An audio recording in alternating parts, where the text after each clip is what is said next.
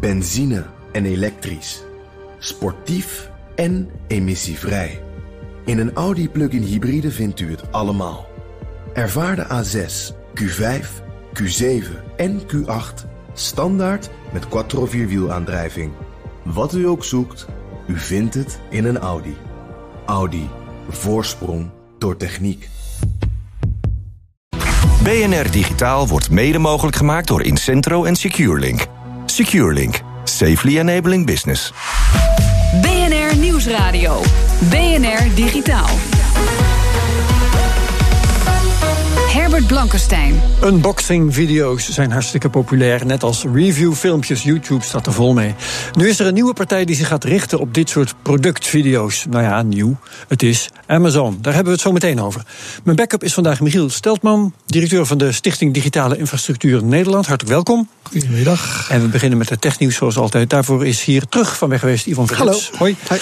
Hey, we gaan het zo hebben over Amazon en video. Nou hebben Google en Amazon al een tijdje ruzie. En gebruikers van Amazon-producten kunnen nu niet meer op YouTube. Het is wel een beetje het eh, dieptepunt van die ruzie. Het laatste dieptepunt. Want het gaat inderdaad om gebruikers van de Amazon Echo Show. Dat is zo'n slimme speaker, maar dan met een scherm eraan vast. Mhm. Die kunnen dus inderdaad niet meer op YouTube. En vanaf 1 januari geldt dat ook voor de bezitters van de Amazon Fire TV. Dat is het tv-kastje van Amazon. Waar gaat het om? Uh, volgens Google doet Amazon, Amazon stom. Het is een beetje een soort schoolplein-ruzie. Uh, ja. Amazon wil namelijk de producten van Google niet verkopen in zijn shop. En ook uh, maakt Amazon Prime Video maar niet beschikbaar voor mensen die via Google Chromecast willen kijken. En ook is Amazon onlangs gestopt met het verkopen van enkele Nest-producten. Nest is ook weer onderdeel van Google. Uh, en daarom zegt Google nu: lekker pu, dan blokkeren wij YouTube op die Amazon-producten. Mag je dat ook niet meer kijken? Dus Google dupeert hiermee een beetje de consument. Maar dat doet Amazon eigenlijk ook door die producten van Google niet gewoon te verkopen. Ja, Want, maar ze uh, duperen toch ook gewoon zichzelf? Ja, het is, een soort, het is, het, het, het is gewoon een kinderachtig wedstrijdje eigenlijk. Ja. Dit. Uh, en uiteindelijk zijn wij dan de consumenten de dupe. Je zou zeggen, joh, Amazon, verkoop ja. die producten van Google nou gewoon. En richt je dan op het, maken, op het goed maken van je eigen product. Zodat mensen uit inhoudelijke uh, overwegingen alsnog die. die ik geloof die, dat wij het wel eens zijn. Ja, ik denk het ook. dus ja, het is een beetje kinderachtig. Um, en ook een beetje onduidelijk. Want met Apple en Google kan je nu wel op YouTube, maar niet op Prime Video. En met Amazon kan je weer wel op Prime, maar niet op YouTube. Nou, heel onduidelijk dus. Dus uh, ja, hou eens op daarmee. Is een beetje ja, dus de bedrijven gaan steeds meer uh, komen op, een, uh, op elkaars terrein terecht. Ja. Op elkaars markt. En gaan een beetje op elkaars tenen ja. staan. En ja, een invloed begint te overlappen. Dan krijg je dat soort spelletjes en concurrentie. Iedereen is benieuwd waar dat van heen gaat. Ja, ja, Maar wees dan ook gewoon concurrent en ga niet ja. uh, lopen zeiken. Nou, um, we hebben nog iets leuks. Een spelletje dat draait op een blockchain-netwerk. En het is heel populair. Ja, het um, gaat om het spel Crypto Kitties. Dat is ongeveer een week... Ja, je hoort en het goed. gaat over katten. Ja. Crypto Kitties, ongeveer een week geleden uh, gelanceerd. Dat spel draait op de Ethereum blockchain. En daar hebben mensen in een week al voor 6,5 miljoen dollar aan virtuele katten gekocht.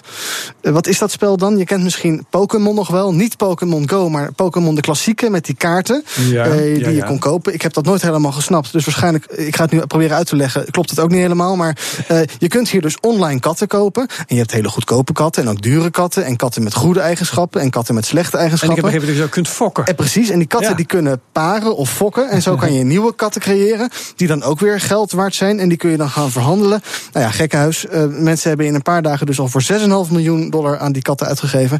Ben heel benieuwd hoe het afloopt. Of dit spel wordt een gigantische hit. En dan kan je misschien zelfs geld gaan verdienen met je crypto-katten. Of het dondert in elkaar en het hele Ethereum-netwerk loopt, Ethereum loopt vol met kattentransacties. En op die manier wordt het geen succes. Dus ik ga het graag volgen en ik wil ja. zelf ook wel zo'n katje aanschaffen. Ik zeg, als het zo snel zo groot wordt, dan wordt het heel snel nog groter. We gaan het Mijn zien. gok, ja. Dankjewel, Ivan. BNR Nieuwsradio. BNR Digitaal. Reviews, unboxing video's, instructiefilmpjes. Het internet staat er vol mee en dan vooral YouTube. Het is reclame, maar de fabrikant maakt het niet zelf. Nu stort ook Amazon zich op deze business. En dat betekent meer content op uh, Amazon.com en meer verkoop. En goed nieuws voor de consumenten. Prijzen van producten zouden daardoor wel eens omlaag kunnen gaan. Blijkt allemaal uit een patent dat Amazon gekregen heeft. Daar ga ik over praten met Christian Esser van Mr. Harder. Stratege op het gebied van sociale technologie. Goed om zo iemand bij de hand te hebben. Uh, um, het is natuurlijk niet zo gek. We lezen minder. En online video groeit. Dus is het inderdaad slim dat Amazon zijn oog laat vallen op de video? Nou, het lijkt me best uh, onvermijdelijk. Hè? De tendens is inderdaad, gaat die kant op. Ja? Uh, in wat je zegt, we lezen minder en we kijken steeds meer. Uh, plus het feit dat het aankoop van een product. Je hebt verschillende manieren om aan te vliegen wanneer je een product wil kopen. Maar wanneer je gewoon het eigenlijk nog niet weet, dan is het heel fijn om geholpen te worden in de keuze voor wat je doet. Ja. Nou, en dan zie je dat een, een, een zintuigelijke ervaring als video uh, beduidend beter is dan het alleen maar het lezen van uh, wat een product zou kunnen doen, bijvoorbeeld. Ja. En wat zou het beste kunnen werken? Video gemaakt door professionele vloggers bijvoorbeeld, of video gemaakt door echte klanten die net zelf zoiets gekocht hebben? Ja, nou, ik, ik denk dat uh, een beetje afhankelijk van hoe ze het aanvliegen. Het zou best kunnen zijn dat uh, het invullen van die content uh, een businessmodel met zich meeneemt. Dan krijg je dat waarschijnlijk mensen in dat gat springen en, en vervolgens heel professioneel proberen gewoon mij te helpen. Dat is een mogelijkheid. Uh, het kan, mogelijkheid kan ook zeggen dat de fabrikant zelf gewoon uh, video's aanbiedt. Om te zorgen dat in ieder geval meer uitleg wordt gegeven voor het product. Video's die dan lijken te zijn gemaakt door klanten, moet ja, je daar aan denken? Want nou ja, dat, dat, wordt natuurlijk een hele mistige, een hele, hele mistige branche. Dat klopt. Nou, dan, dan laat ik het over aan de fabrikant. En om zo eerlijk betaald mogelijk. worden voor hun nou, daar, gebruik, daar gebruikerservaringen natuurlijk. Hè, maar ook misschien negatieve reviews. Kan je ook iets bij voorstellen? Dus ja, het, ja, het ratingsysteem wat ze hebben, dat dat, dat daar wordt, Ah. door wordt versterkt? Absoluut zal een ratingsysteem een, een, een goede plek vinden in het hele ecosysteem. Maar wat ik dus wel ook interessant vind, ik heb ook gelezen dat als uh, de gebruiker uh, die video uh, bekijkt en Mhm. mm -hmm. lang bekijkt, dan gaat zijn prijs van het product naar beneden. Ja, en dat heb ik ook gelezen en daar begrijp ik helemaal niks van. Want je zou toch zeggen dat uh, de video is een middel om eventueel de, de klant te overtuigen. Maar je kunt toch veel beter meteen korting geven. Hè, als je nu koopt, krijg je korting. Dan dat je zegt, als je deze video bekijkt, krijg je korting. Dus Nou, het, video, ik- het bekijken van die video is niet waar Amazon het van moet hebben. Nou, ik gaat gewoon om de verkoop. Nou, ik denk dat Amazon op termijn ook zal laten betalen om die video te laten plaatsen. En hoe meer ik het bekijk, hoe langer ik bekijk, dan zou het best kunnen zijn dat de prijs van de plaats van die video ook omhoog gaat. Dus aan de, aan, de ene kant betaal ik terug aan de consument dat hij het gezien heeft. En aan de andere kant vang ik meer dan van de producent, omdat die beter wordt bekeken. Ik weet niet of het zo is, maar dat zou ook kunnen. Spannend, spannend. Denk jij ervan, Michiel? Ja, ik, uh, ik weet niet goed wat ik ervan moet denken. Kijk, uh, ik, ik snap de psychologie natuurlijk wel van, uh, van beeldmateriaal. Heel, hoe langer je naar iets kijkt, hoe langer je in je, in je biases en je confirmation over het product wordt bevestigd. Hè, ervaringen van anderen. Hoe koop je zelf iets? Hè? Je ziet een keer op, op een medium Facebook zie je een leuk product of zo, een of ander gadget, en dan wil je het ook. Dus de rol van veel beeldmateriaal en langer. Uh, naar, het, naar het product getrokken worden, dat zie ik wel dat ze daar iets mee doen. En misschien ook, uh, dat is ook een vraag, besparen ze daar ook advertentiekosten mee uit? Ik bedoel, dat gaat natuurlijk omlaag. Volgens mij wat daar ook meespeelt is het feit dat um, technologie steeds beter ook kan uitlezen. In de zin. Mm -hmm. Uh, speech recognition en text to, uh, speech to text, dat soort technologieën kunnen ook toegepast worden aan video. Dus dat wil zeggen dat de inhoud van die video ook terecht komt in die hele search uh, ecosfeer van ja, en gefilterd kan worden. Precies, en ik denk dat dat ook absoluut meedraagt aan, aan de vindbaarheid van hun product. Ja. maar misschien ook wel gefilterd kan worden op de stemming in die video. Is die goed voor het product of slecht voor het product? Absoluut. Maar gaat, zegt. Absoluut. Nou, maar laten we even voorop, voor, voor, voorop zeggen dat ik, wanneer de, de, de drijfveer geld is in advertenties, ik vind het absoluut gewoon geen, geen waarde hebben. Het is uiteindelijk een, een, een red race die waar je ingaat. Ja. Ik vind dat inhoud van het materiaal veel belangrijker is. En ik hoop dat ze gewoon daar ook heel goed op filteren en heel goed op kijken, naar kijken. Ja.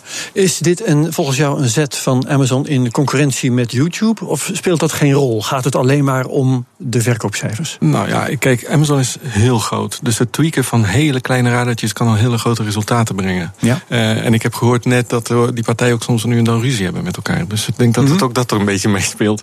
En uh, zeer zeker uh, het moment dat ze een platform hebben. Kijk, het is heel terecht om, om, om video's te hebben die gekoppeld zijn aan een product die mij kunnen helpen. Ik vind het gewoon heel terecht. En als ik ja. die gewoon. Dat is ook een succes op van die dezelfde op plek, YouTube. Ja, precies. Maar Ja. als ik die als ik exact op dezelfde plek van aankoop kan vinden, dan ben ik gewoon geholpen als consument. Uh, Amazon had vroeger een one-click shop. Hè, dat is de one-click buy. Dat is een patent die ze een tijdje geleden hadden en nu eigenlijk Ja. verloopt. Nou, dat was een grote voordeel voor hen. Met één klik heb je het product gekocht. Dus ze moeten iets nieuws vinden. En dit is waarschijnlijk een van de mogelijkheden. Ja. Is wat, het, uh, wat mij ook echt verbaast is dat Amazon wederom erin slaagt om iets wat je denkt, nou dat is toch redelijk triviaal om daar een patent op te krijgen. Dus hoe, hoe krijgen ze dat voor elkaar? Het, het, het plaatsen van een videootje of een plaatje bij je product is een patent. Hoe kijk jij er tegenaan? Nou, je hebt gewoon heel veel energie, mankracht nodig om dit soort dingen voor elkaar te krijgen. Het is een groot bedrijf, dus die zetten daar gewoon volop in. En uiteindelijk, ik, ja, ik, ben, van de, ik ben van het idee, uh, patenten zijn slecht voor uh, economische ontwikkelingen. Van, zijn slecht voor onze uh, toekomst, waar we naartoe gaan. liefst zo min mogelijk. Maar ja, er zijn toch wel grote partijen die daar nog steeds ja, heel erg vasthouden. Ja, het simpele antwoord volgens mij op wat jij vraagt, Michiel, is het Amerikaanse systeem staat dat toe.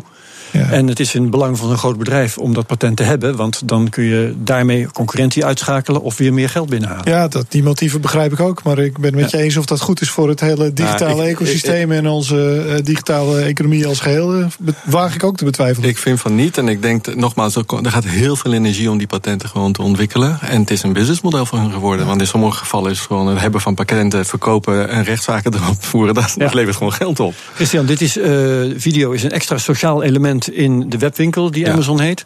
Ehm, jij schreef onlangs in een blog: webshops zijn nu vaak asociaal. Ja, ja dat was Kun je dat uitleggen in een halve minuut? Ja, dat was overigens vier jaar geleden, dat is niet langer. Maar het gaat erom dat eh, webshops die hebben het doel om uiteindelijk zoveel mogelijk eh, eh, schaalvergroting te creëren. Zoveel mogelijk klanten moeten bij mij kopen via een funnel die zo makkelijk mogelijk is om uiteindelijk een product te kopen. Als ik exact weet wat ik wil kopen, prima. Maar ik vind dat technologie steeds meer het, eh, eh, eh, het middel is om mensen fysiek ook bij elkaar te krijgen. Of ook, ook al is het in de digitale ecosfeer, maar dat wij echt contact hebben. Echt contact tussen persoon en persoon. En ik denk dat eh, webshops eh, daar eh, aandacht aan moeten geven. Overigens doen ze ook. Hè. Tools net als Intercom bijvoorbeeld, die, die ervoor zorgen dat jij direct kan chatten met mensen. Laten we even bots, bots opzij. Maar dat soort tools zijn belangrijk om het sociale karakter van een shop, die we ook in de fysieke wereld hebben, een beetje terug te kunnen vinden. Dankjewel, Christian Esser van Mr. Harder. Graag gedaan. Je eigen gadgets bouwen van papier. En die dan met je stem bedienen. Dat kan en het kost je bijna niks, maar je moet er wel een beetje handig voor zijn. Hoor je zo meer over. BNR Nieuwsradio. BNR Digitaal. Wie houdt er niet van gadgets? Nadeel is alleen wel dat ze vaak snel vervelen, soms ook nog eens duur zijn. Nou heeft de experimentenafdeling van Google daar wat op bedacht. Paper Signals. Het kost je zo'n 20 euro en je moet er een beetje handig voor zijn. Redacteur Ivan Verrips bekeek hoe het werkt. These are paper signals, an experiment that explores how physical things can easily be controlled with your voice. Oké, dit is echt heel schattig. Kleine doosjes van papier die je een taakje kunt geven. Maar je moet er wel wat voor aanschaffen. Een klein computertje, wat kabeltjes en een motortje. Daarna print je een template van de website van Paper Signals. Vouw je dat in elkaar, het vergt wel wat huisvlijt dus... en verbind je dat met het computertje. En dan ben je good to go. You can control them by saying, Hey Google, talk to paper signals. Have my umbrella signal track the rain in Seattle. Now, this signal will always tell me when I need my umbrella. Dit is dus een in elkaar gevouwen parapluutje. En als het gaat regenen, dan klapt het parapluutje uit. Hoe leuk is dat? We built the experiment using two publicly available tools Actions on Google and Dialogflow. They use machine learning under the hood to understand what you're trying to say. That's how this one will count down to whatever you tell it to count down to, like your birthday. This one warns you when it's too cold for shorts. Een papieren aftelklokje of een papieren broekje dat zijn pijpjes naar beneden doet als het te koud is om een korte broek aan te doen. You can start with any of the example signals we've made, or you can grab the open source code and create something of your own. Standaard levert Google templates voor bijvoorbeeld nou, dat parapluutje, dat aftelklokje en dat broekje, maar bijvoorbeeld ook voor een pijl die naar boven wijst als de bitcoin omhoog gaat en naar beneden als hij naar beneden gaat. Alle benodigde hard- en software is natuurlijk open source. En je kunt al aan de slag als je ook maar een beetje handig bent. En als je heel handig bent, dan heb je die templates helemaal niet nodig. En bouw je in mum van tijd je eigen gadgets. Ja, aandoenlijkheidsfactor 10, 11. Als je meer wil weten, het filmpje en meer informatie over Paper Signals vind je na de uitzending op bnr.nl/slash digitaal. BNR Nieuwsradio. Herbert Blankenstein. Kan Bitcoin een fatsoenlijk betaalmiddel worden? Niet zolang de capaciteit maar een handvol transacties per seconde is, wereldwijd. Pogingen om die capaciteit op te voeren met een upgrade naar grotere blokken zijn voorlopig stuk gelopen op een meerderheid van miners die daar geen zin in heeft. Een andere oplossing is het Lightning-netwerk. Wat dat is en hoe het werkt, ga ik bespreken met Daan Kleiman van wisselkantoor Betonic. Welkom. En eh, Michiel Steltman is er ook nog steeds bij. Het wordt een beetje technisch. We gaan toch proberen om het uit te leggen, Daan. Of jij gaat het eigenlijk proberen. Waarom zou je, eh, om te- beginnen, waarom zou je de blocks van zo'n blockchain niet gewoon vergroten? Wat ja, hebben ook de dat is, eh, dat is een redelijke. Nou, de miners waren daar op zich niet tegen, maar dat was een politiek spel. Ehm, de blokken vergroten betekent dat je dus de, de full node, en dat wordt al snel technisch, maar dat die, eh, die block size of die blockchain die groeit heel snel. Dus als je hem twee keer zo groot maakt, wordt die blockchain ook twee keer zo groot. En is het dus daardoor twee keer zo zwaar om eh, ja, de software, dus de, de, de, de blockchain bij te houden. ja, heb je duurdere computers nodig? Heb je duurder computers, wordt het minder decentraal en daardoor minder veilig. Mm, Oké, goed. Ehm, dat dan hebben we dan gehad. Een oplossing zou zijn het Lightning-netwerk. Kun je dat uitleggen? Ja, dus eigenlijk is uh, het Lightning-netwerk is een uh, laag bovenop de Bitcoin-blockchain. die uh, off-chain transacties doet, maar wel vertrouwensloos. Daar komt het eigenlijk op neer. Vertrouwensloos. Ja, dus je hoeft niet uh, een tussenpartij te vertrouwen. Je kan nog steeds gewoon net zoals in Bitcoin transacties blijven doen. Um, alleen ze gaan niet meer, ze worden niet meer gesetteld op de Bitcoin blockchain, maar worden in, een, ja, in het Lightning netwerk uh, uh, ja, rondgespeeld, zeg maar. En daarmee ja, is dat, krijg je dat het enorme schaalbaarheidsvoordelen oplevert. Is de, is de Lightning-netwerk dan ook een uh, soort mini-blockchain of een soort lightweight blockchain? Hetzelfde blockchain-mechanisme? Hoe is dat vertrouwensloos dan? Nou ja, dat, uh, dat is. Uh, Overigens, vertrouwensloos, dat is een beetje een verwarrende term. Het betekent juist dat je elkaar wel kunt vertrouwen, maar zonder dat je wat van elkaar weet. Ja, zonder dat er centrale autoriteit is. Ja, dus de techniek zorgt ervoor dat je, dat je de ander niet hoeft te vertrouwen, inderdaad. Ja. Maar goed. Um, hoe het werkt. Uh, of het een soort blockchain is, vraagt Michiel. Nee, nee, het is geen blockchain. Het is echt dat het cryptografisch wordt dit uh, zeg maar met elkaar verbonden. En eens in de zoveel tijd kan je zeg maar, het settelen op de Bitcoin blockchain. En daarmee garandeer je nog steeds de veiligheid. Maar uh, belast je het netwerk veel minder, de Bitcoin blockchain. Komt er eigenlijk op neer dat je een soort stuwmeer van transacties apart houdt. En, en in één keer aan de blockchain toevoegt als dat op een gegeven moment makkelijk is. Ja, exact. Ja, het lijkt wat dat betreft behoorlijk op Swift, maar dan decentraal. Niet dat ik weet wat dat is. Ja, dat wordt nu in de bankenwereld gebruikt. Ja. Ah, oh, dat ja, oh, nee, ja, ja, okay, ja. ja, Duidelijk.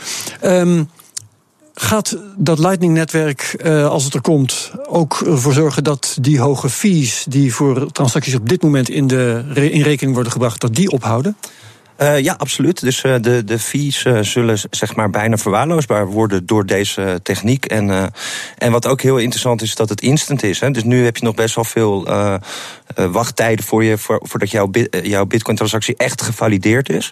Maar via dit netwerk gaat het ook instant. Dus dat ja, het is een enorme, enorme innovatie. Goedkoper, sneller, meer capaciteit. Dat klinkt als de best of all worlds. Ja, Waarom is het er nog niet?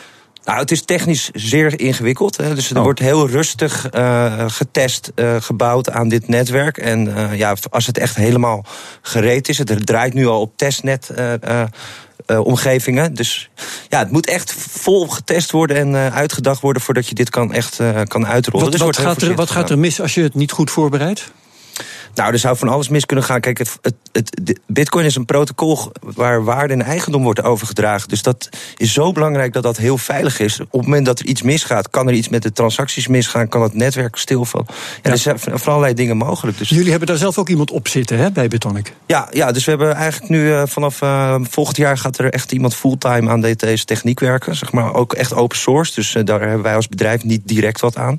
Maar ja, die stellen wij echt in staat om aan dit netwerk te bouwen. Is dat gaat dit nou echt een, een doorbraak opleveren voor, uh, voor bitcoin? Ik bedoel, bitcoins wordt nu, hè, uh, wat lees je over bitcoins is de koers. Mm. Hè, dat domineert het nieuws en daar heeft iedereen over de waarde van de bitcoins, maar niet zozeer wat de concrete waarde is van bitcoins in het, uh, in het betaalverkeer. Hè, wat de promise was van, van, van, van blockchains, cryptocurrencies. Gaat dit dit veranderen? Gaat, gaat het leiden tot doorbraak voor, voor blockchains in betaalverkeer? Ja, nou ja, ik denk absoluut dat dat zo is. Maar uh, ik weet niet of het de belofte was van blockchains. In ieder geval, weet je, dat was ook een beetje de discussie. Wil je een soort PayPal plus creëren? Of wil je echt een heel erg veilig decentraal netwerk, uh, transactienetwerk? En ik denk dat zometeen door dit Bitcoin, uh, of door die uh, Lightning netwerk, dat, dat die twee gecombineerd kunnen gaan worden. Dus dat, ja, het is echt heel veelbelovend. Hoeveel ja. mensen werken hier op dit moment aan? Hoe groot is het al? Uh, nou, er zijn een aantal verschillende bedrijven die al bezig zijn met implementaties. Maar ook dat is redelijk ingewikkeld. Dus dat gaat ook langzaam. Um, en er werken ja, behoorlijk wat developers ook aan over de hele -hmm. wereld. Uh, en wetenschappers. Ja, dat, het is niet helemaal duidelijk, maar ik denk dat er iets van um, 20 plus of zo mensen. 20? Ja. Dat, dat valt dan nog erg tegen. En één daarvan is dit bij jullie? Uh, ja, die, die zit inderdaad bij ons. Ja. ja, Oké. Okay. Ja. Nou ja, bedankt voor deze bijdrage dan. Um, ik lees wel dat uh, miners soms tegen het Lightning-netwerk zijn, omdat het minen uh, daarmee een minder belangrijke bezigheid wordt. Klopt dat? Ja, dat, ook dat is een moeilijk om dat echt zeg maar, te, te, doorgronden. Want het lijkt ook een politiek spel wat dat betreft. Die miners die spelen soms echt enorme politieke machtspelletjes. Um, maar wat wel zo is, is dat het off-chain gaat. Dus er zijn transacties die straks niet meer via de Bitcoin-blockchain gaan. En ja, de miners uh, garanderen die veiligheid voor die transacties. Ja. Waardoor uh, ja, ze een incentive krijgen en dat is een fee. Maar ja, als die fees blijven stijgen, zullen ze daar, zeg maar, de fees on-chain zullen gewoon heel hoog zijn. Waardoor de miner nog steeds heel veel, uh, heel veel inkomsten genereert. En ja, die off-chain transacties heeft, de, heeft het Bitcoin-blockchain ook nodig om gewoon te kunnen schalen. Ja, ja maar zien ook uh, veiligheidsrisico's. Dus er zijn de bezwaren van partijen die zeggen: ja, het is niet goed getest of het is niet veilig, of het doet afbreuk van, van de vertrouwensstatus van de blok van, van, van Bitcoins. Nou, er is juist zeg maar, een groep die daar juist uh, voorstander van is om het niet op uh, in uh, Bitcoin blockchain zelf te doen. Dus het meer die lagen erop te bouwen. In plaats van dat je de, de echte Bitcoin blockchain gaat, zeg maar, de veiligheid gaat. Want dan gaat daar de veiligheid achteruit. Dus Nee, ik denk niet dat dat echt een bezwaar is. Wagen ze een gokje. Hoe lang is er, hoeveel tijd is er nog nodig voordat Lightning-netwerk ons ter beschikking staat? Oeh, ja, ik denk dat we nog wel uh, een jaar bezig zijn. Ik vind altijd een mooie vergelijking. Zeg maar, uh, Bitcoin uh, wordt best wel bekritiseerd op zijn schaalbaarheid. Maar we kennen allemaal het internet van, vanaf het begin. En hoe lang duurde het om een plaatje te downloaden in de beginjaren? ja, dat, we zitten nog aan de begintijd en het moet rustig getest worden. En deze ja. protocollen en technieken moeten ja, goed getest en gereviewd nee, goed, maar worden. Maar een jaar als orde van grootte, dat vind ik mooi om naartoe te jij, verwacht dat, dat kan sneller hoor, maar... Ja. Eén vraag nog, Michiel. verwacht jij dat het Op meer webshops en uh, meer in de e-commerce terecht gaat komen hiermee? Ja, dat, dat zou goed kunnen, ja. Ja, zeker. Hiermee wordt uh, merchantbetalingen wel interessanter dan, uh, dan dat nu is. Oké, okay, ja. dankjewel Daan Kleinman van Bitonic. Tot zover BNR Digitaal voor nu. Michiel Steltman, dankjewel voor het zijn van backup vandaag. Maar we laten je niet gaan voordat we je kunnen bijpraten over de wereld van digitaal geld. Als je denkt dat bitcoin de heetste cryptocurrency is van het moment, dan heb je het mis. De Monero bijvoorbeeld is sinds eind augustus verviervoudigd in waarde, terwijl de bitcoin in die tijd maar 2,5 keer zoveel waard werd. Maar, uh, maar de Jota slaat op dit moment alles. Die was een maand geleden 37 dollar cent waard en nu in de buurt van de 5 dollar. Dat is meer dan een factor 10 in een maand tijd. De Jota is bedoeld als betaalmiddel voor het Internet of Things, waarbij dus onder andere apparaten elkaar zouden moeten kunnen betalen voor data. En de prijsstijging volgt op de aankondiging van een proef een data marketplace waaraan onder andere Microsoft, Samsung, Cisco en Volkswagen meedoen. Jota heeft sindsdien een marktwaarde van meer dan 10 miljard dollar en is de vierde cryptocurrency na Bitcoin, Ether en Bitcoin Cash. Nou, uh, nog even kijken hoe het staat met de koers van de echte Bitcoin en uh, met de Ether. Uh, Rob Jansen op de redactie, zeg het eens.